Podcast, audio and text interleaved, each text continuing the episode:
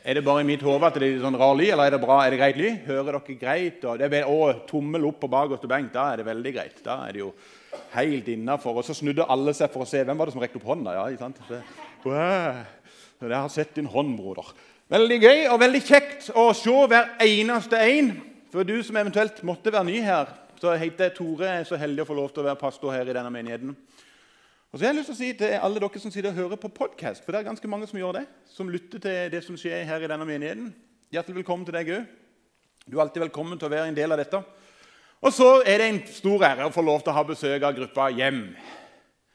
Jesus er med meg. Det er vel det det står for. Ja, Nei, det er ikke det det står for. Men eh, det er alltid en ære eh, å ha dere på besøk. Eh, og Det som jeg synes er så flott med det, det er når mennesker som Gud har lagt ned gaver og talenter og Det har han gjort i oss alle sammen. Men det er ikke alle oss som tør å bruke dem, men dere bruker dem. Og så er det til Guds ære. Og så er dere med å hjelpe oss som på en måte kanskje ikke har så veldig til sangstemme, til å synge med det nebbet vi har. Og det er jeg happy for. Og så, Se der, Dette er en god start. Så det, en, vi har Bare finne hele dette her manusstyret mitt. Vi har holdt eh, eh det gående nå i noen uker med en, eh, en, eh, serie som vi har kalt for Raushet. Og eh, Første søndagen så, så, gikk vi bare rett til kilden med en gang. Og sa hvis vi virkelig skal lære hva raushet er, så blir vi nødt til å gå til Han som er rausheten over alle rausheter, og det er Gud sjøl. Altså Han som ga alt for oss. Han som sa det at 'jeg gir avkall på mitt liv for dere'. Han som sa 'Jeg gir min eneste sønn'. Altså Hvis vi virkelig skal skjønne hva raushet er, så trenger vi å se Guds raushet. Han som kommer hver dag med ny nåde til oss. En nåde som er større enn alle våre feiltrinn, alle våre tabber. Og så sier han 'Den er ny'. Og jeg kjenner bare, og han er ny hver dag, og jeg kjenner jeg trenger han hver eneste dag. Og Det er ingen plass jeg blir mer begeistra over vær enn å være sammen med, med med Gud og erfare hans store, store nåde. Og Så snakket vi sist søndag om at hva skjer når denne rausheten får lov til å prege våre liv. Jo, Da prata min gode kollega Jan Einar om at eh, den rausheten her må jo få utslag på et eller annet vis. Og Så begynte han å snakke om dette her at at den setninga som jeg nå skulle si, plutselig datt ut. Men hun kommer på øyeblikket hvis jeg bare tør å prate. Det, det du, der kommer hun. Det er merkelig med det. Det du har gjort mot én av mine minste, det har du gjort mot meg. Og så har vi alle sammen en sånn en minste i våre settinger. Alle har vi noen av de denne minste. Som Gud på en eller annen måte ønsker at hans raushet skal få lov til å møte de igjennom oss. Og jeg tenker litt sånn Wow, Gud! Tenk at du kan bruke meg til å gjøre det. Og Jeg har av og til tenkt Gud, det var et lite prosjekt du satte i gang. Og satsa på å gjøre dette gjennom oss, men det er det han har gjort. Han ønsker å la sin nåde, sin kjærlighet, sin raushet få lov til å prege oss så mye at det preger de som er rundt oss. Og Så skal vi i dag få lov til å eh, fortsette å avslutte denne serien. Eh, og Så håper jeg at det skal bli en uh, grei greie. Du må gi meg et lite sånn et, uh, opp. Og så Hvis du trykker på den første en gang til, så hjelper du meg bitte med det foran deg. Hvis du tar den første, den første bildet der, ja, og så skal jeg ta den derifra. Sånn, nå er vi der. Thank you. Eh, tekniske ting det er alltid så gøy. nå vet ikke jeg hvordan det er med deg at når du hører ordet raushet, åssen det klirrer i hodet ditt For min del så er det litt sånn todelt. Jeg må, jeg må, være ærlig på det. Det er litt sånn todelt. For, for, greia er at eh, Jeg er ikke egentlig veldig raus av natur. Jeg, altså, jeg syns jo forferdelig moro når folk er rause med meg. Det liker jeg. Når folk sier det at du eh, skal jeg spandere middag på deg, så kjenner jeg jadda, jadda, ja da, helt i orden. Og noen sier det at skal, altså, kan jeg vise deg en eller annen form for raushet, og jeg kjenner yes, yes. Men når det er den andre veien, at jeg skal på en måte være raus med noen andre, da kjenner jeg ofte at jeg blir litt sånn mm, For det ligger ikke naturlig til meg. Det er ikke på en måte da, det, er ikke sånn at når jeg poppa ut av min mors mage, så var det mer sånn Yes, la oss leve et raust liv! Nei, det, det har på en måte ikke vært eh, en greie som jeg har syntes har vært sånn enkelt. Og iallfall ikke når det kommer til å være raus i forhold til penger. Og Hvis du nå sitter her og tenker har han fyren der framme tenkt å snakke om penger, så har jeg faktisk det. Og det rare er at noen vil kanskje da tenke at dette møtet har vi planlagt veldig.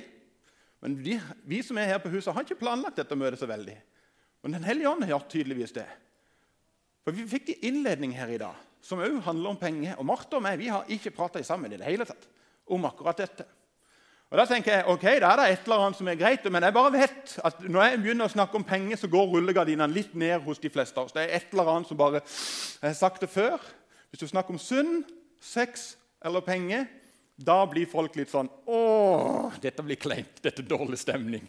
Uh, vi liker det mest ikke. Det blir så, uh, jeg vet ikke hva det egentlig blir for noe, men det blir iallfall ikke noe sånn at en kjenner at dette kjenner en på at dette, dette er bra. Men jeg tror faktisk at vi som menighet vi skylder menneskene å snakke mye mer om penger enn det vi faktisk gjør. For eh, Bibelen snakker mye om det. Faktisk overraskende mye om det. Til og med Jesus Kanskje en av de tingene han er mest innom, det er ting som handler om penger og forvaltning av økonomi. Og jeg mener, Hvis Jesus kan snakke om det, så kanskje vi òg kunne snakke om det. Og Jesus, Hvis du, hvis du blar litt i Nytestamentet, spesielt i de tre første evangeliene, eller de fire første evangeliene, så er det jo noen episoder der med Jesus som er sånn at Jesus, dette er jo helt, litt, nesten litt sånn pinlig. Altså, En gang så er han i en sånn nå, Dere vet jeg har litt livlig fantasi. Han er på gudstjeneste i sånn type menighet som PMK, og kollektkorga går rundt. Og så gjør han jo noe som Det, det passer seg jo ikke det hele tatt. Jeg synes jeg ser kollektøren vår gå rundt med kollektkorga, og plutselig stoppe opp og så sier vedkommende Wow, folkens! Denne dama her, hun ga mest! Men det var det Jesus gjorde. Han sto og fulgte med på hva folk ga. Og så gjorde han et stort nummer ut av det, av hvem som ga mest. Og jeg tenker det, altså Hvis jeg hadde gjort det som pastor Da vet jeg at det er ikke mange som hadde gått og gitt noe i kollektkorga framover. Da hadde de tenkt at nå kommer han, nå kommer han, nå kommer han. Jeg kan være helt slappe helt av. Denne pastoren her har ingen peiling på hva folk gir. Jeg har sagt, jeg vil ikke, jeg vil ikke vite det med penger. Det ha, altså, jeg har en kone som kan alt med penger. Selv får jeg 50 kroner i lommepenger hver uke, og så bruker jeg de. Ellers er jeg helt blank. Jeg, altså, jeg, jeg har, null sånn peiling på dette her med Jeg er ikke god på bruking, men eh, ja. Eh, og, og Jesus som sagt, han kikker i kollektkorga hva folk ga. Og det rare er at det er faktisk bare én plass der du kan lese om at Jesus blir ergans irritert, skikkelig sint. Eller som vi ville sagt på Sørlandet Jeg kan ikke si jeg liker det noe særlig. Da er en sørlending skikkelig sinna. Det, det, det, er en setting der som Jesus blir kjempesinna. Der greia er at folk i menighet, i gudshuset, begynner å grabbe til seg. Og begynner å bli grådige. Og da tenner Jesus på alle pluggene, og så bare begynner han å velte det stender han velter pengevekslerens bord. Vi kommer snart til påske, det er, første, og det er palmesøndag, så gjør han dette her. Og bare rasere hele greia og sier det, det, det er ikke griskhet vi trenger. Vi trenger raushet. Og så tenker jeg ok, Jesus, hvis du kan være så rå og snakke om penger og ta de tematikkene der opp, så la oss òg gjøre det. Så Derfor tenkte jeg vi skal snakke om penger. Og så vet jeg at dette med penger det berører oss alle. Altså, Noen vasser jo i penger. Iallfall i dette landet her, så er det en del som bare vasser i penger. De har bare så mye at de bare sånn du blir litt sånn overraska at det går an når du ser sånn skatteliste, toppeliste av dette her, og du ser noen beløp som er sånn at jeg tenker, Kan du telle så langt? tenker jeg. Og så er det noen andre som er i andre enden som bare sånn Mon tru om denne månen her går rundt?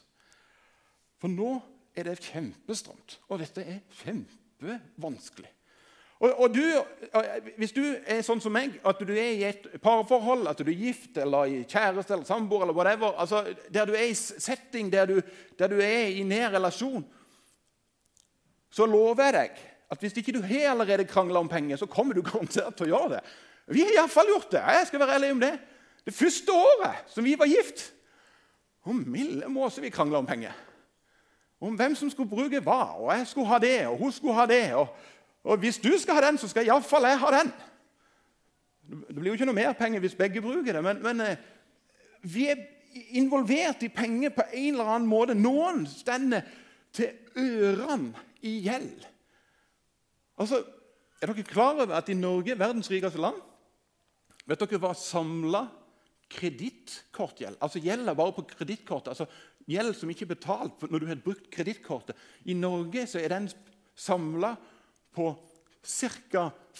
55 Hold deg fast milliarder i verdens rikeste land. Det gjelder på kredittkort.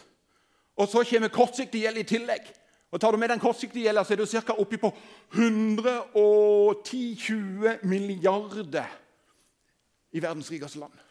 Og ikke jeg fram til at det ikke er greit å ha kredittkort. Jeg har det sjøl òg, men, men betal fakturaen når han kommer. Altså, Penger berører oss jo på et eller annet vis. Altså, Vi har en eller annen feeling med det.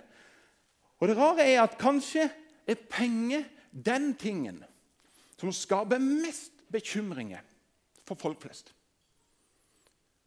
Om du har mye av dem, eller om du har lite av dem. Jeg har aldri truffet noen som er så rik at de sier at 'nå har jeg nok'. Verdens rikeste mann fikk det spørsmålet en gang. 'Hvor mye mer trenger du før det er nok?' Vet du hva han svarte? Bare litt til. Bare litt til. Og så skaper det bekymring. Og så tenker jeg yes.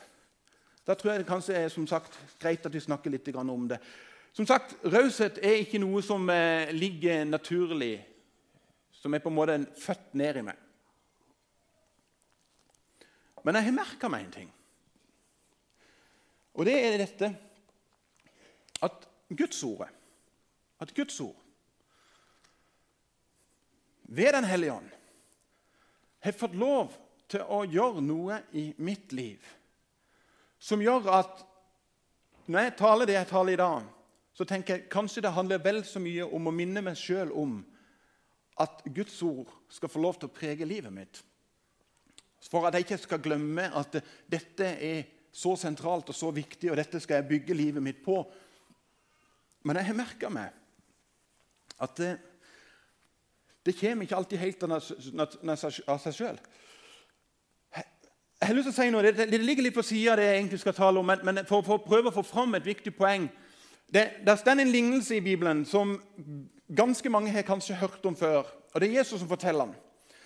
Han, han, forteller en lignelse som vi kaller for såmannen. En såmann gikk ut for å så. Og han sådde. Jeg gjorde dette på et familiemøte en gang. og da så det ut i salen. Jeg hadde med meg masse såkorn. Jeg bare strødde rundt meg. Men som en såmann gikk ut for å så. Og Der satt det fire gamle folk med sånn en eh, solsikkefrø i øynene. Og tenkte at eh, dette blir interessant. Eh, men så stender det videre at noe av de såkornene falt på steingrunn.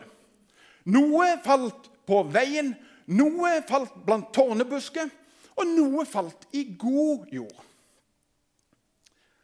Og så vet det mange kristne som sier det at, og tenker litt sånn at denne lignelsen her, den handler om at Jesus må få lov til å møte meg i god jord, at mitt liv blir god jord, sånn at Jesus får lov til å slippe inn. Og så skal han få lov til å vokse, og skal jeg avta. Og jeg tror det er absolutt Det handler dette, denne lignelsen om. Om at Jesus skal få lov til å komme inn i våre liv. Men hvis du leser lignelsen litt nøye, så er det en ting som jeg tror en del kristne ikke har fått med seg. Og Det står det at en såmann gikk ut for å så. Og så står det litt etterpå hva såkornet er et bilde på. Såkornet er Skal vi ha søndagsskole? Skal vi tørre å ha søndagsskole? Såkornet er et bilde på Ingen tør å svare. Guds ord. Såkornet er et bilde på Guds ord. Det vil si folkens, at hver gang du og meg er samla på en gudstjeneste, hver gang du og meg sitter med en bibel i hånda, hver gang vi sitter i et smågruppefellesskap og vi deler Guds ord, så skjer en av fire ting. Enten så lander Guds ordet inn i vårt liv på god jord, eller blant tårnebusk, eller på steingrunn, eller på veien. Det skjer alltid når Guds ord åpner seg. Om du har vært frelst i én dag eller 70 år, Gudsordet ønsker å treffe noe i ditt liv. Og Jeg har vært pastor i så mange år og vært på så mange gudstjenester at jeg må ta meg sjøl i dette. At Når jeg kommer inn på en gudstjeneste, da blir jeg fort litt sånn analyserende. Det er litt sånn Ja, han bomma litt på den ene tona der, og de var ikke helt samstemte. og jeg kjente jo at det fida ikke, altså Teknikeren her han er jo håpløs. Det fider jo hele veien. Eh, og taleren han holdt jo en tale om en tema som jeg har jo hørt det før. Jeg har jo til og med talt om det temaet. Og i, og i min egosentriske verden så talte jeg jo faktisk bedre enn det han gjorde. Og Så sitter jeg jo kjempekritisk og så tenker vet du noe, dette er ikke riktig. Så det jeg har gjort, at jeg har prøvd å sagt til meg sjøl Tore, i enhver situasjon, still deg vid åpen for å la Guds ord få lov til å treffe god jord i ditt liv. La det være et eller annet. Hvis jeg er på en gudstjeneste, på en konferanse, eller jeg sitter alene og leser Bibelen, så sier jeg Gud, la livet mitt være åpent, så det treffer noe i god jord. Og Senest nå i denne uka her, så var jeg på vei fra Oslo hjem til Porsgrunn. Så sitter jeg og hører på en tale på podkast. Og når talen begynner, så tenker jeg mm, har hørt det temaet før. Og så tenker jeg nei, jeg skal ha et fokus på at det skal finnes et eller annet gull i dette som kan treffe meg. Og plutselig så kommer det ei setning som eksploderer på innsida av meg. Ånd møter ånd. Og jeg kjenner jeg måtte skru av podkasten. Og bare kjenne vet du noe, Jesus, dette må lande i god jord i mitt liv. La det spire og mangfoldiggjøre seg. La det få lov til å blomstre. La det bli til noe mer enn bare det lille jeg hører nå. Og Den setningen, sånn en tanke drar jeg med meg i hvilken som helst setting jeg er. La det alltid være et eller annet. Grus finner du lett, men gull må du av og til være litt sånn på jakt etter å finne. Sånn at det kan treffe god jord. Og Min stille, lille bønn er at når vi taler videre nå Det du hører nå, det er Guds ord. Og Så er spørsmålet hvor er det tenkt å lande i livet ditt? Åssen ser det ut for deg? Kan vi si et lite ammen på det, at det skal havne i god jord? Hvis du er med deg Bibelen, så skal du få lov til å finne den fram. Og så skal vi lese et lite vers. Og så er det litt sånn i dag at Egentlig så skulle jeg ha kommet med masse vers til dere. Men hvis du trenger masse vers, så skal du få lov til å komme til meg etterpå. Men i dag tar jeg opp noen få vers og for å sentrere det rundt det. Jeg vet ikke om du har lagt merke til det, at Guds ord det er av og til ganske sånn på hodet. Det, det, passer ikke inn, iallfall ikke i mitt litt krøllete hode. så blir det litt sånn, Dette er ikke sunt bondevett. Dette stemmer jo ikke. Det er jo ikke sånn det skal være. Dette verset her er et litt sånt vers. Der det står dette her Gi, så skal dere få. For meg så blir det litt sånn Hæ? Det er jo ikke det vi lærte når vi var små. Det var litt sånn Kav til deg. Gjør en innsats, så skal du få.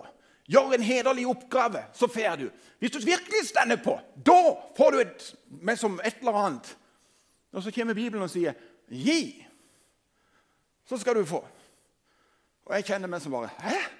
Og det, og det rare det er at hvis du leser videre, så denne, 'Gi, og du skal få et godt mål', sammenrista. For dere i god sånn et spann, ti liter spann, med et eller annet som skal oppi der.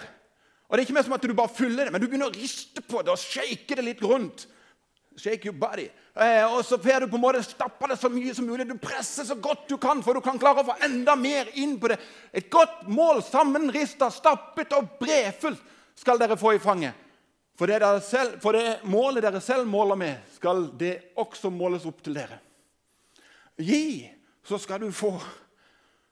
Det er som at Bibelen sier, det er som at Guds ord sier vet Du noe? Du holder noe i dine hender som du må gi slipp på, sånn at jeg kan gi deg noe mer. For du har allerede noe der som gjør at jeg kan ikke fylle på noe. Gi, så skal du få. Og det er så til de grader mye mer. Og som Marte òg var inne på, at det kommer noen velsignelser bak det. Det står dette at Gud elsker en glad giver. Det er ikke det at ikke Gud elsker alle. Men en glad giver har veldig ofte latt en del av disse tingene her, som vi snakker om i dag, få lov til å lande i god jord. Der du har vært en tillit til at det Guds ordet her, det er faktisk sant, og jeg kan faktisk ta det med meg. For greia er dette her, at Gud er ikke ute etter pengene våre. Det er ikke pengene våre han er ute etter, men det er våre hjerter. Egentlig så er denne talen både om penger, og samtidig så er han ikke om penger i det hele tatt. Gud er ikke ute etter pengene dine. Vi som menighet er definitivt ikke ute etter pengene dine. Vi er ikke ute etter noe av deg, men vi ønsker noe for deg. Jeg kan fortelle om ganske mange som er ute etter pengene dine. Kiwi de er ute etter pengene dine. Altså Når de reklamerer for at det er bra å spise frukt veldig ofte, så er jo ikke de veldig interessert i at du skal se kjempesunn ut. Det er sånn en biting. Det de egentlig ønsker, det er at du skal komme og kjøpe frukten for å legge pengene i kassa til dem. Hen som høres. Ja, De vil gjerne kle deg opp, men de vil mest alt ha pengene dine. Bilselgeren han vil ha pengene dine. Til og med Circle K vil ha pengene dine. Men Gud er ikke ute etter pengene dine. Gud ønsker noe for deg. Et hjerteforhold som kan få lov til å være med og prege deg. Derfor har jeg lyst til å løfte opp en ting. Bibelen snakker veldig mye om mange ting i forhold til økonomisk forvaltning. Men jeg løfter opp én ting som Marte òg var inne på i stad. Og Det er dette som vi kaller for tienden. 10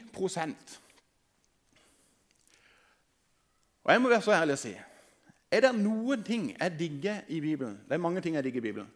Men jeg er en av de som syns at tienden er et fantastisk bibel, bibelsk prinsipp.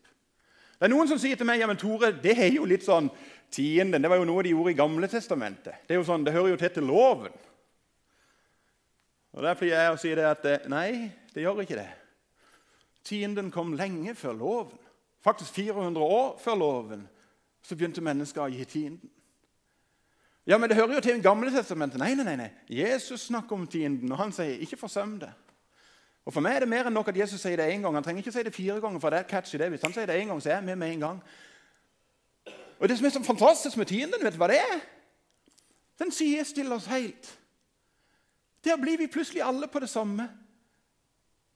Tenk om det var sånn at eh, i våre settinger at vi sa at eh, nei, her må vi alle betale inn et beløp og det skal være det samme beløpet for alle. Da ville den som har vært kjemperik, stilt veldig bra. Men tienden Fantastisk bibelsk prinsipp. Sidestille. Og gjør det helt jevnt. Og sier det at om du tjener ti millioner Si ifra hvis du gjør det. Det hadde vært gøy å høre at jeg truffet noen som gjorde faktisk det. Jeg har ikke truffet dem. Men da blir det én million som er 10% Tjener du 100 kroner, så er det en tier. Og det rare er at begge to har gitt like mye av hva de har. Og Det er det som er så fantastisk med Guds ord. Når den kommer inn og lar det lande i god jord, så gjør han ikke forskjell på folk. Han sier det stille. Ja, men Tore, vi lever jo i nådens tidsalder. Ja takk. Hvis du tror at nåden bare kommer med 10 Nåden kommer med alt. Hvis du ønsker å leve på et nådeprinsipp og gi alt, ja takk, gjerne hvis du vil det. Jeg tror ikke det er det Guds ord egentlig ønsker. Men han sier, vet du noe? Forvalt det du har fått. Men la tienden få lov til å få lov til å prege det. Vi blir helt som sagt, sidestilt. Mener du, Tore, helt seriøst at jeg skal gi 10% av det som jeg tjener? At jeg skal gi det vekk? Nei, jeg mener ikke det. Egoisten i meg gjør ikke det. Men Guds ord mener det. Det er ikke meg som er så veldig interessert i tiden. Men Gud ser at det er en forordning her som vil få lov til å prege våre liv.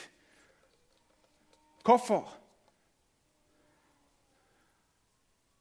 For det hjelper oss til å flytte sikkerhetsnettet vårt ifra penger til å si jeg trenger en som er større enn meg. Vi har så lett for å tenke at min trygghet, min sikkerhet, den ligger i penger. Hvis jeg bare har nok penger, da er jeg sikker. Ja, men Da, var, da skulle jo folk vært fornøyde ennå. Men de blir ikke det. Derfor sier jo Bibelen det at det er ikke penger som er problemet, men kjærligheten. Det å sette trygghet og sikkerhet i penger. Bibelen sier bl.a. dette her at eh, for kjærlighet til penger, det er roten til alt ondt. Altså, Pengene er ikke rota til alt ondt. Kjærlighet til penger. Det at jeg på en måte tenker at dette er mitt sikkerhetsnett. Dette er det som på en måte skal klare å holde meg. For kjærlighet til penger er roten til alt ondt.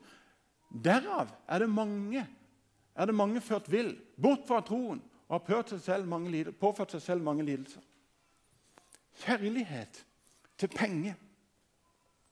Det er ikke pengene som er problemet, men hva slags forhold vi hadde. Og tienden, den ønsker å hjelpe oss til å ha et rett fokus i livet, òg når det kommer til penger. Derfor handler tienden om å gi av det første som kom inn. Ikke, altså, hvis jeg skulle ha gitt av det som var igjen i bunnen av kassa, sparebøssa mi på slutten av måneden, da blir det ikke mye å gi. Men Bibelen sier 'gi av det første du får'. Jeg må si, På dette området her så beundrer jeg den eldre garden. Og jeg tror for de, Ikke bare her i Porsgrunn, men jeg tror for de rundt om i hele Norge. Jeg husker når vi vokste opp da jeg var liten, så husker jeg en av mine kompiser fortalte det hjemme hos oss. Det var enda i den tida vi fikk penger, lønna vår, i konvolutt. Så gamle var hans foreldre. Her er lønnskonvolutten din. Og når de kom hjem med den lønnskonvolutten, så var det å ta ut pengene, finne ut hvor mye er 10 Og Så tok de 10% ut med en gang, og så la de den i 10 %-boksen sin. De hadde en egen skoeske oppå toppen av ei hylle. Og Det var ei hellig boks, som han kompisen min sa. Du tulla ikke med den boksen der. For det hadde de investert det første og det beste. Det hadde de gitt tilbake igjen til Gud umiddelbart. Og jeg tror grunnen til at dette med penger er så utfordrende for oss, er at vi tenker at det holder oss. Og Derfor så tror jeg at det er derfor Gud sier kun én plass i Bibelen at dette her, det er så vanskelig for dere å forstå. At du skal få lov til å teste meg. Det er den eneste plassen Gud sier at du kan teste meg. For han sier, vet du noe, jeg innser, jeg skjønner, jeg vet at dette vil være utfordrende for deg. Men du skal få lov til å teste meg på det Kanskje det mest kjente verset om, om tienden fra Malakia. Kom, Malakia 3.10, kom med hele tienden til forhåndskammeret, så det finnes mat i mitt hus. Prøv meg på denne måten. Test meg på denne måten, sier Herren over herskerne. Jeg skal sannelig, og her kommer det igjen, åpne himmelens sluser og øse ut over dere velsignelser uten mål. Sammenrista, stapper er det sånn Tor, at hvis jeg bare gir tienden, så kommer det lassevis av penger inn? Nei, det er jo ikke sånn. Jeg vet at noen opplever det. Det gjør jeg. Som opplever det stadig vekk, så ligger det penger i postkassa til dem. Men jeg tror ikke det er det som er greia. Jeg tror det handler om at Gud ønsker å velsigne våre liv der han ser at vi trenger det mer enn noen andre plass. For han kjenner oss jo. Han vet hva vi trenger. Og Det å flytte sikkerhetsnettet sitt fra penger til Gud og sette seg i en avhengighetsforhold til Gud Gjør noe med ditt indre sjelsliv. For oss her i menigheten så har vi tatt dette her så eh, seriøst at eh, vi rett og slett for en liten måned siden kom med en sånn utfordring, en sånn 90 dagers utfordring. Der vi sa vet du noe, vi vet at dette er utfordrende. Men hvis du vil, ønsker å teste ut dette, så skal du få lov til å begynne å gi tienden til denne menigheten her. Og, ikke, og, Vi skal prøve å følge deg opp, vi skal backe deg og vi skal heie på deg. Og Hvis du i løpet av de 90 dagene kjenner at dette her det funker bare ikke for meg, så gir vi pengene dine tilbake igjen til deg. For det er ikke pengene dine vi er ute etter. Jeg kan ikke få sagt det nok. Vi er ikke ute etter noe penger. Du skal gjerne få kontonummeret til evangeliet, så kan du sende pengene der hvis du vil. Men vi har lyst til å hjelpe deg til å se at dette her er faktisk Guds ord som ønsker å være med og prege deg og forme deg, for det er et hjerteforhold det handler om.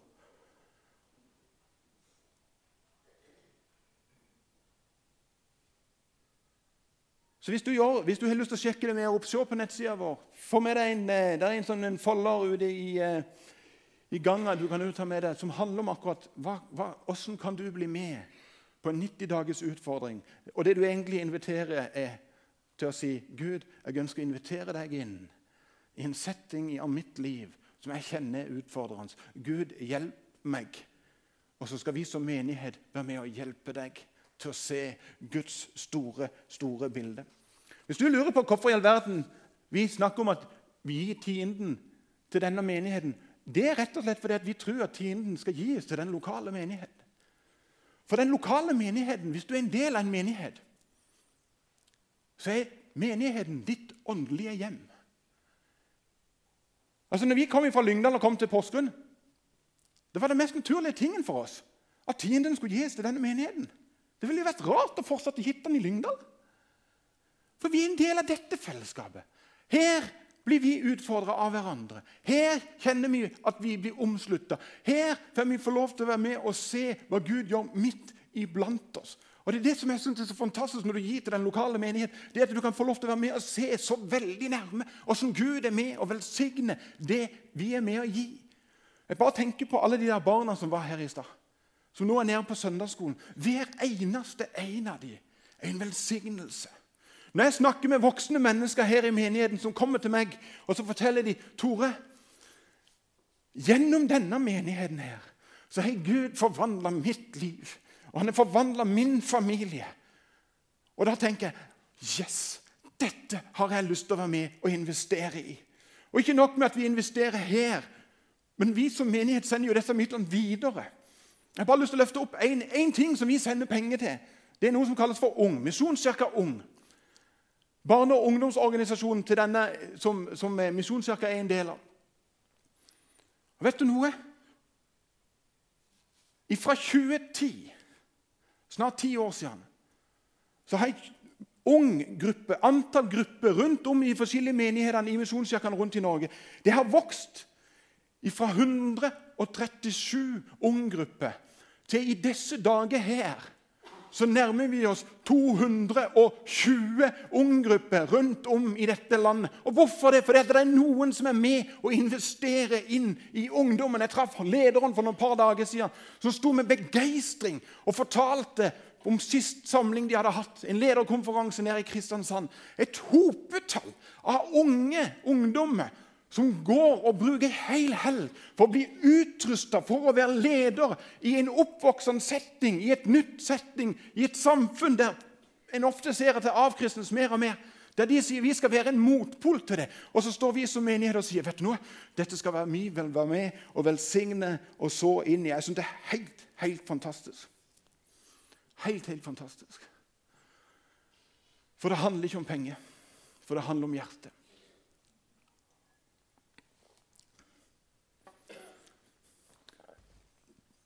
Ser på klokka og tenker jeg at jeg vet at dette med økonomi og penger det kunne jeg ha talt fryktelig lenge om. For jeg tror at dette er en av de største grunnene til at Norge blir mer og mer avkristna. Vi har stereo, video, båt og bil, hus i Spania, hytte på fjellet, som de sang en gammel sang. Men vi får det ikke med oss. Vi får det ikke med oss. Men jeg ønsker å investere i mennesker. For som menighet så har vi så inderlig ønske om å finne én til. Jeg tror de fleste av oss her inne har ei bønneliste der det står noen navn. Der vi ønsker å se at de møter vår Herre og vår Frelser.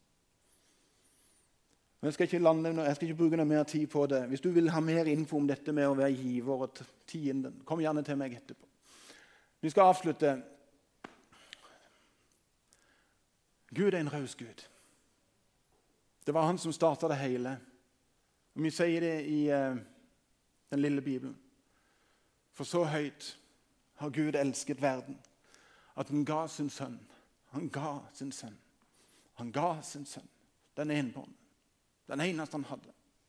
For at hver den som tror på ham, ikke skal gå fortapt, men ha evig liv. Så handler kanskje akkurat denne talen i dag i noens hode om penger. Men kanskje det ikke er det egentlig det. Kanskje det handler om noen ting i ditt liv der Gud ikke får lov til å være sentrum. For det er dette det handler om. Hvem får lov til å stå i sentrum av ditt liv? Hvem får lov til å stå i sentrum av ditt ekteskap? Hvem får lov til å stå i sentrum av din økonomi? Hvem bestemmer der? Og Så står det en og sier vet du noe? Jeg har det beste for deg. Jeg har det beste for deg. Det er en som pleier å si det. Du, Tore, vi har mye godt i vente ifra Gud. Mye godt i vente. Det er én ting Jesus ønsker for oss, så er det å få lov til å komme inn i akkurat der du og vi strever, for å skape balanse, sånn at han kan få lov til å være sentrum. Jesus, jeg takker deg for det at eh, du har elsket oss med en evig kjærlighet. Jeg ber deg, Jesus, om at eh, du hjelper oss til å, å se forbi penger, men at vi ser lenger og ser at dette handler ikke om egentlig det. Ransak mitt hjerte, Gud. Ransak våre hjerter. Se, Jesus, hvor vi er på vandring. Led oss, Jesus, på din vei.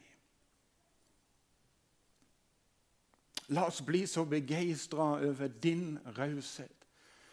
La oss være jobben for at ditt ord skal få lov til å havne i god jord. Sånn at det spirer opp og blir mangedobla. 30-fold, 60-fold, 100-fold. Sånn at andre mennesker kan få lov til å møte din raushet gjennom våre liv. Det ber jeg om i Jesu navn. Amen.